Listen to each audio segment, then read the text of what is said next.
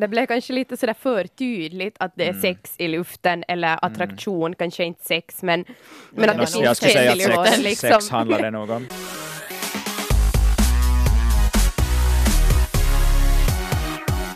Du lyssnar på det tredje avsnittet av Skampodden med mig Frida Mig Mia.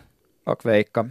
och det här är en svenska YLE-produktion. Ja, vi har ju nu sett äh, tredje avsnittet av säsong fyra och historien bara fördjupar sig och den här gången har vi kanske fått lite svar på de frågorna eller de teman som har ähm, byggts upp under det här avsnitt ett och två. Ähm, vad tyckte ni om det här avsnittet? Det här var ju ett sjukt intensivt avsnitt. Det känns som att sådär allt har hänt. Herregud. Det liksom, jag fattar inte hur vi ska kunna hålla oss i 20 minuter för det finns så mycket som man ska kunna diskutera i evigheter. Det är liksom, om det blir så här intensiva avsnitt nu så wow. Det kommer Mm. vara jätteroligt att följa med. Ja, det kändes som, eller förra gången sa jag ju att, att det har varit jättemycket setup och nu kändes det som att, att nu var det dags så att, att det börjar rulla på riktigt, att saker börjar hända och vi, får se, vi fick se lite mer av, av, av Yusuf och just den här bussgrejen, att liksom, vad händer med det? Så ja, det var jättebra. Bra avsnitt. Jag ska börja med att tala om uh, Sana och Josef. Ja, det här, det hela avsnittet börjar ju just med det här klippet hemma hos Sana och, och när hon ska fixa mat och, och så kommer Josef och hjälper henne och där plötsligt så blir han just den här personen som också kan prata och ha en åsikt och inte bara liksom vara den där Sanas fantasifigur på något vis som jag tycker att han har varit kanske i de, Ja. de tidigare avsnitten, att man har sett honom liksom lite så oljig på det här eh, på en, tränings, i en träningssal och sen så har vi sett honom dansa i, i vardagsrummet men, men nu liksom kommer han, han är ju rolig, han är ju charmerande Mm. och, och man märker ju verkligen att när de kommer in i det här med äh, att hur man ska skala morötter, att, att liksom de här gnistorna på något vis bara flyger, att det är Ja. verkligen någonting där mellan dem. Ja, det finns kemi. Jag reagerar genast på det att det var en sån här lite sliskig, kanske Ed Sheeran eller någon sån här gullig, äh, fin låt i bakgrunden, kärlekslåt. Och man såg att Sana blev jätteobekväm och så bytte hon plötsligt till något annat. Och jag kände helt igen det där hur man plötsligt börjar svettas massor. Man lyssnar på de där orden och känner, ah okej, om man är tillsammans i ett rum med någon som man är lite intresserad av. Så jag tror att hon kände samma, att nu måste hon bryta det här för annars blir det för mycket på en gång. Ja, det blev för mycket kärleksfilm. Ja. Men lite, lite måste man jag kritisera just att, att de där morötterna tycker jag inte var en, ett bra val för symbol. Och det, är så, det, det kändes sådär lite smaklöst. Eller jag menar inte sådär, jag vill inte vara någon moralist, men bara att, att jag tyckte att de skulle kunna ha gjort något lite fiffigare. Ja. Det blev kanske lite sådär för tydligt att det är Mm. sex i luften eller attraktion, kanske inte sex men, men att det nog jag finns skulle säga sex att i luften. sex, Liksom. sex handlar det nog om. Det är något som finns där och, och Mm. då ska man såklart ha en fallossymbol med. Ja, alltså Ja, men jag det ska man just blev- inte ha. om- Nej, nej, men- ja. nej. Ja, ja, precis. Men jag att, det blev liksom för sådär uh, tydligt, att det var inte liksom någon sån där, vad ska man säga, fin uh, liten symbolik i det, utan det Ja. var liksom verkligen sådär, okej, det var inte en korv, det var en morot. Ja, Uh, men skam är, skam är just bra på undertone. Det här var Precis. inte undertone. Det var inte alls undertone, så det kändes lite oskam. Uh, vi fick faktiskt en fråga. Oskam, det, det kändes lite. Ja, men vi fick en fråga um, på Extrems WhatsApp-grupp om, um, om skam, om hur vi skalar morötter. Jag, jag gör nog det som uh, Josef, tror jag. Så som man ska. Bort från sig själv. Nej, Så men han men sa ju han att man ska ju det mot mot sig. sig. Nej men hur gör jag? Sana gör så. Nu blev jag helt osäker. Hur Jag gör tycker jag? också att Sana gjorde ju rätt, alltså hon var inte kanske sådär, hon hade inte så stor finess liksom, hon var lite osäker på sig själv. Men inte ska man ju någonsin skala mot sig För själv, det är ju man ska skala farligt, bort. man kan Men- skada Men sig. ni fattar väl att det var också sådär en allegori, liksom. Att det handlar om sådär deras förhållande till varandra, sådär att ska man trycka bort eller ta emot. Oj, det där, Det- det där fattar jag det var ganska Ja. djupt. Ja, är- kanske. Ja, men Ja. en, en alltså jag tycker det var nog det, Ja. att, liksom, att han ville säga till henne att, att liksom, du, ska, du ska ta emot mig. Men jag är inte en höjdare på att skala morötter anyhow, så jag är nog lite mer så här team Sana än team Josef när det kommer till Ja, så skalar man bara inte dem. Mm. Jag gillar morötter men jag vill att någon annan ska skala dem. Mm. Vi fick se Sana i, i det här avsnittet i lite så här, liksom två äh, ganska så här mjuka tumisrelationer, att det var liksom det här med um, med henne och, och Josef. Och sen var det också den här, det här klippet med Sana och hennes mamma som Mm. jag åtminstone tyckte var jättefint. Det var jättefint alltså. Man ble, jag blev nog jätterörd av det måste Mm. jag säga. Sådär också att hon på riktigt berättar för sin mamma om att hon är förtjust i en kille. Så började jag tänka att hur gjorde jag själv? Jag Eh, berättar nog inte. Alltså jag vet inte om jag berättar men min mamma fortfarande så kan hon alltid se på mig om jag är Mm. förtjust i någon. Mm. Hon bara frågar, har du, är det någon kille på gång? För hon ser det, hon säger att jag ser det på din näsaställning. Mm. Så det är kanske så Sanas mamma också Ja. liksom, ser på Sana. Ja, och det var nog intressant just också att vi fick liksom se någonting av den här färgsymboliken som användes just Ja. i, i det här avsnittet och sen fattar man också att det har använts hela tiden i Skam. Att just att eftersom Sana nu var klädd i vitt för första gången, hon har alltid, ja, eller Det var inte första gången, det var i det där ena avsnittet också när de var hemma hos Eva. Så var hon Mm. också klädd i vitt. Och Ah, då hade hon precis. också just att hon hade varit i duschen.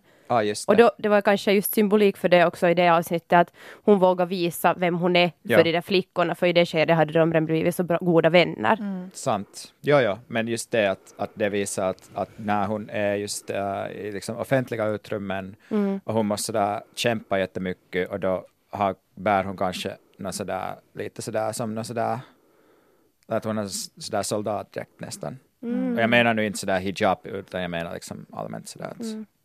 Det där färg, färgerna och allt. Mm. Ja, och här sen i det här hemmets sfär så att säga så, så kan hon liksom vara den här mjuka, Mm. um, känslosamma, uh, lite så här skrattiga uh, typen som man inte kanske är van att se henne. Och, och här också tänkte jag att, att jag blev liksom, jag tyckte att det var intressant just det här med att, att få komma hem Mm. till Sana.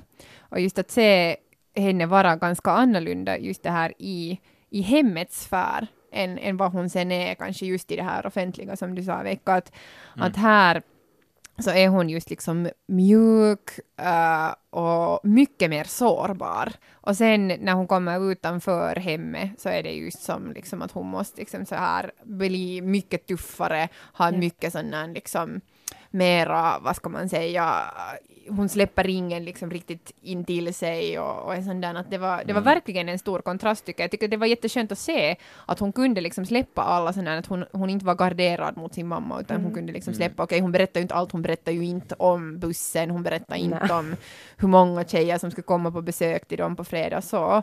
Um, men, men ändå. Men det, då fick, det fick vi också se i den där kontrasten, liksom när, när hon pratade med de här Pepsi Max-tjejerna, Mm. att då var hon, alltså de bestämde sig då att, att, att slå samman de här två grupperna, att, att ha en, en gemensam buss. Och där är Vem var hon, det som gissade förra Ja. veckan? Var det- var det inte Du var jag? den enda som hade rätt. Nej, alltså. Mia, Mia visste.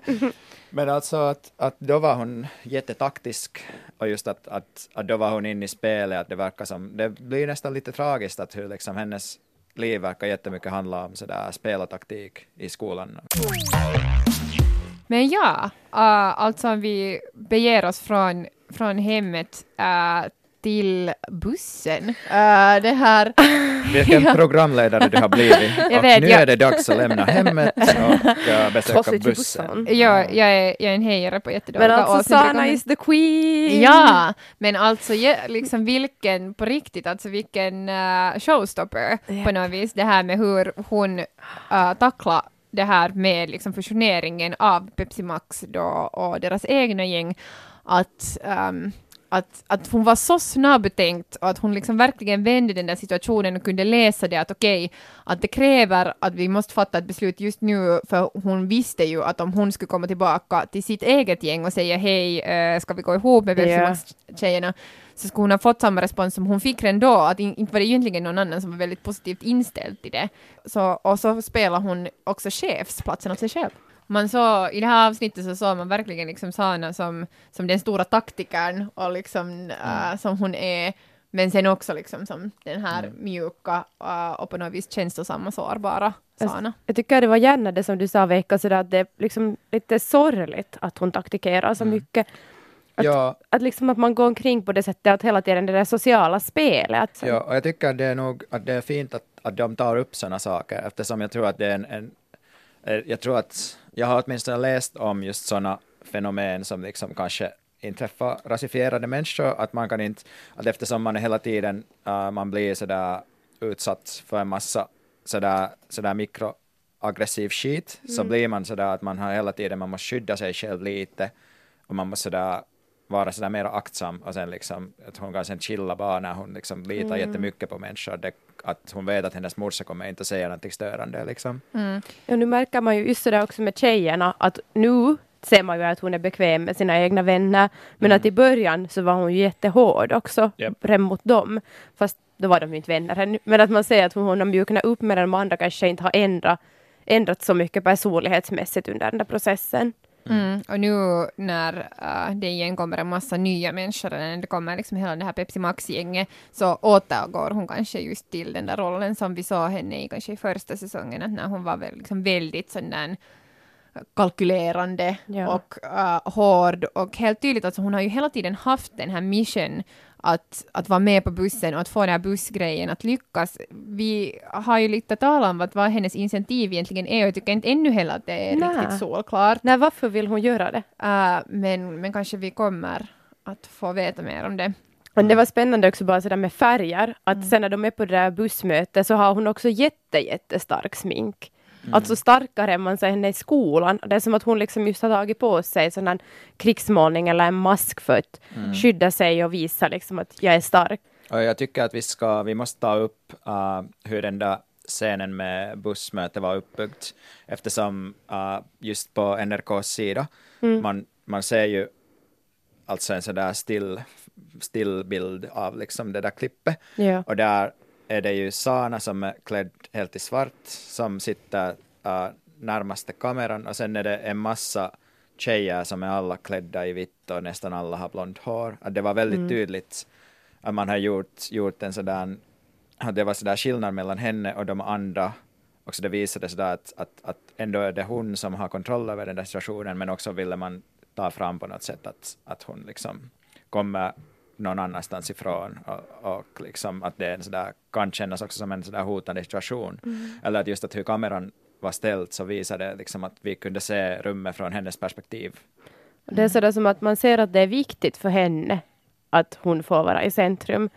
Att om man känner sig helt säker på sin egen situation så kan man ju bara vara sådär, men okej, okay, jag, jag, jag drar mig tillbaka, jag behöver inte mm. vara chef. Medan hon på något sätt, det känns som att hon har någonting att bevisa. Mm. Men frågan är väl mest det att vem är det hon vill bevisa det för? Precis, jag tror, liksom... att, jag tror inte att det finns något enkelt svar på det. Jag tror ja. att det liksom, hon vill bevisa ganska mycket säkert också för sig själv. Mm. Um, men också kanske för omvärlden i sig. Och just det här att hon kan liksom att det här är någonting som man, uh, man kanske typiskt inte skulle se, att, att nu är de ju många som är lite sådär, ja okej, okay, att uh, att, att du är muslim och troende men, men du vill ändå vara med här i bussen, att, att men är det okej okay för dig att, att vi dricker mm. och sådär. Och där tyckte jag att Sana var helt bäst när hon bara kontra och sa att ja, jag dömer ingen. Mm. Ja, och det var jätteintressant också just om man tänker på att hur, hur, var hon var positionerad när de satt vid bordet, att hur det sen ändrades helt totalt när de började dricka mm. och sen liksom alla dansar och sjunger ja. Med i någon sån norsk sådär jätte sådär hemsk party anthem och hon bara sådär går där lite sådär på sidan och sådär plocka upp flaskor. Alltså, det var helt, men helt då var det nog sådär shit mm. hit the fan också. Ja. Där har man ju också varit med om, alltså att man har varit liksom på någon, någon hemmafest och sen plötsligt är det sådär att är det föräldrarna, är det polisen, vem är det mm. som kommer men att liksom hela utrymmet måste uh, måste bli tomt på så här nolltid och, och att man så här panik på något vis försöker få ihop liksom sina, mm. sina saker, sina ägodelar och, innan man måste, måste sticka iväg. Um, men jag blev nog liksom, jag tyckte, jag blev så här lättad över att, att uh, föräldrarna liksom inte på något vis skällde ut Sana, eller att, att hon ändå liksom kom undan med det lite. Man, ja. Det var ju det som man är ju ändå no. på hennes sida, man hoppades på det och också att, att här dyker igen Josef upp som liksom riddaren i nöden. Det var det jag menade med och, Shit hit the fan, att ja. då liksom ändrades allting här. Mm. Att han för det första så har han tagit skulden på sig. Mm. Tänk dig liksom vilken uppoffring ändå. Man såg ju framför sig när de höll på och drack och okej pappa, pappa är sjuk, vi kommer hem nu. Så ser man bara så att du kommer det här att skita sig totalt för Sana. Att hon kommer typ att måste ge upp sin position som Russebuschef och Precis. Och jag tycker att man såg det, man har sett det liksom genom, genom den här säsongen, men man såg det också genomgående genom det här avsnittet, att man blir liksom säkrare och säkrare på att, att också att Josef är ju förtjust i Sana alltså. Att han, han gillar ju, det är inte liksom någonting, det här är inte bara så här ensidigt från Sanas sida, utan han är ju jätteaktiv, chattar med henne en massa, så som han var där i köket och sen just liksom att det allt slutar med att han gör den här uppoffringen och tar liksom skulden på sig äh, för den här vodkaflaskan som då egentligen är liksom hennes fel. och det känns som att kanske det där att Nora ska vara intresserad av Josef, att det var någonting som var bara i, i Sanas eget huvud. Ja. Eller åtminstone är han inte intresserad av henne. Kan hända. Men det var också uh, intressant hur just, uh, det var ju, jag tänkte då när han just tog skulden för, för den här flaskan, att, att okej, att nu liksom, nu verkar det som att allt är sådär ganska perfekt på sätt och vis, att nu har han sådär uppoffrat sig. Och, men sen säger han att han inte är muslimsk. Det var intressant att Ja, det var nog största bomben ändå. Ja, Mm. och just att, uh, för att jag tror att det inte, det är inte ett problem för Sana, uh, att jag tror att det är ett problem för Sana eftersom hon själv tycker att, det, att, att hon vill att han ska vara muslimsk. Att det är inte hennes morsa eller hennes föräldrar som är problemet, utan hon själv. Men vad tycker ni? Jag håller med, med om din analys, eller sådär, jag tycker att hon också liksom genomgående, hon har alltid varit ganska trygg på sin egen tro, um, att det, och, och att det har varit viktigt för henne. Och det har också varit, hon har ju varit liksom jättebra på att också förklara på något vis hennes eget förhållande eller hur hon ser på, på Allah eller på Gud eller på, liksom, på, på religion överlag.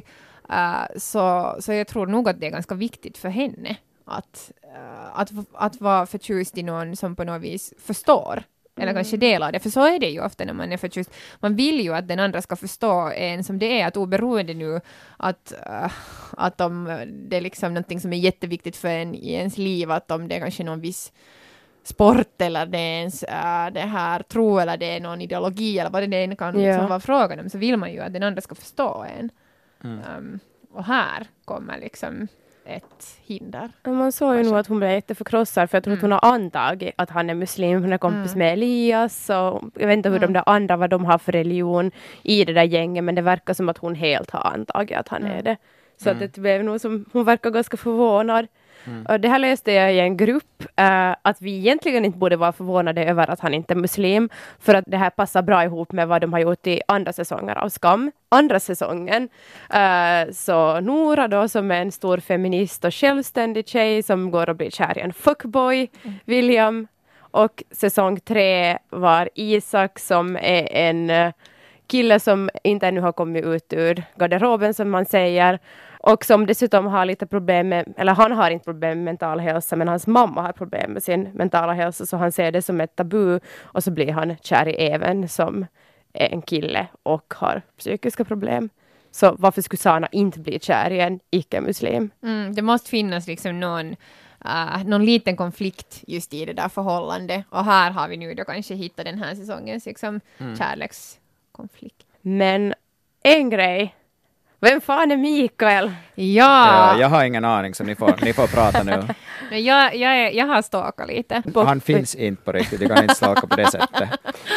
Men det har kommit upp mycket i WhatsApp-gruppen också, att folk undrar det. att vad, vad är den här sidogrejen med Mikael? Men- folk Alltså har jag frågat har mig fått, också. ja exakt, Ja. alltså folk har frågat mig. Men äh, vet ni, vet ni vem Mikael Nej, är? jag, jag vet vem Mikael är. Jag vet vem Jag tycker det är bara roligt att folk tror att vi har någon sån här extra information Mm. för att vi gör en podd om skam. Precis som om vi skulle ha sett liksom några avsnitt till. Vi, Ja. känner, vi känner ju Nora är en av mina bästisar. Vi hänger mycket. Nej, men alltså what's the deal with Mikael? No, Mikael är ju uh, den här killen som vi redan har sett faktiskt i säsong tre. Det uh, kommer jag inte ihåg. Ja, ja, nej, ja. Uh, alltså i det här när Isak det här lite så här googlar eller ska kolla upp att "Nå, vem är den här Even nu egentligen? Så hittar han ju en film uh, som är det här inspelad när Even gick på sin förra skola på Älvbacken och där talar han med en annan kille och han då talar ju även lite om så här ja att han gillar Baz Luhrmann och, och liksom så andra grejer. Men, men den killen som han talar med det är Mikael och det här, och sen så kommer man tillbaka till Mikael när Sana igen lite så här uh, checkar in Josef på Facebook uh, och hans Facebook-profil och scrollar igenom hans bilder och så plötsligt är Isak där bakom axeln på Sana och säger hej, men är inte där Mikael? Och det är just vad det är. Och Sana säger ingenting. Nej men ja, och det här vet man ju inte riktigt liksom ännu att hur bra koll har hon på Mikael så nu måste hon ju känna honom för att han är ju en av No, hennes brors bästa kompisar. Ja. Liksom de här på något vis ledtrådarna eller de här grejerna liksom knyts samman Ja. att, att det är inte bara någon typ som har gått på samma skola som Even utan det är också äh, en av Sanas brors bästa kompisar. Ja, och sen kommer ju även att säga till, eller fråga Sana varför de talar, eller om hon och Isak har talat om Mikael. Så någonting måste ju vara bak bakom det här. Och Evens blick när Ja. han säger det, alltså han är så här väldigt intensiv och väldigt liksom allvarlig och inte alls så här på något vis uh, easy going som han har varit, som man har sett honom i de senaste bilderna, man har sett honom med Isak så han verkar liksom så här lycklig och avslappnad Ja. och på något vis så att, att, att han må ha mått lite bättre. Och nu ser man en sån flash av shit, Even är lite orolig. Men det är som att det är någonting som han inte vill att Isak vet. Mm. Men det är liksom, vad är det? Och kommer Mikael kanske att, äh, tycker ni att han ska vara en karaktär den här säsongen, att han kommer inte bara att vara i bakgrunden? Utan, Jag tror nog inte att han kommer att komma in som en egen karaktär. Jag tror han bara kommer att liksom finnas där som ett störande element egentligen. Alltså det finns ju en konflikt. Det Mm. finns en konflikt som vi inte riktigt vet ännu vad den handlar om, men liksom de centrala på något vis figurerna i den konflikten är just Mikael och Even och Isak. ja, jag tror Eller att Isak, Isak är- egentligen är där. Nej, Isak men- vet inte kanske riktigt Ja, vad det men handlar varför om. får han inte veta om det? Mm. Alltså vad är det liksom? Det måste ju vara någonting som är ganska stort för Mm. Even som har hänt. Och där kanske man drar, man kan snabbt tänka att, att kanske det har någonting med just hans äh, mentala problem att göra, kan det ha att han har haft någon manisk episod Mm. och liksom som han kanske själv tänker att han har gjort bort sig, eller så där kan det ha någonting att göra med varför han bytte skola. Ett alternativ skulle vara att de skulle ha haft en romans. Mm. Men jag vet inte, är det för långsökt? Jag vet inte, men det här... Det, Nothing det is fair. Nej, men det blir spännande att se och, och höra mer om det här, men jag, jag känner liksom att här, här är någon drama i luften, här är nå nå liksom, det har inte varit något slagsmål på länge i det har inte varit, men det kan bli. Men det här känner jag att det kanske det, det vi vädrar att om jag, om jag i förra avsnittet lite så här vädrar att det blir en fusion mellan Pepsi Max och, och det här vårt uh, tjejgäng så, så vädrar jag nu att det finns lite så här konflikt och slagsmål i luften när det gäller Mikael och Even.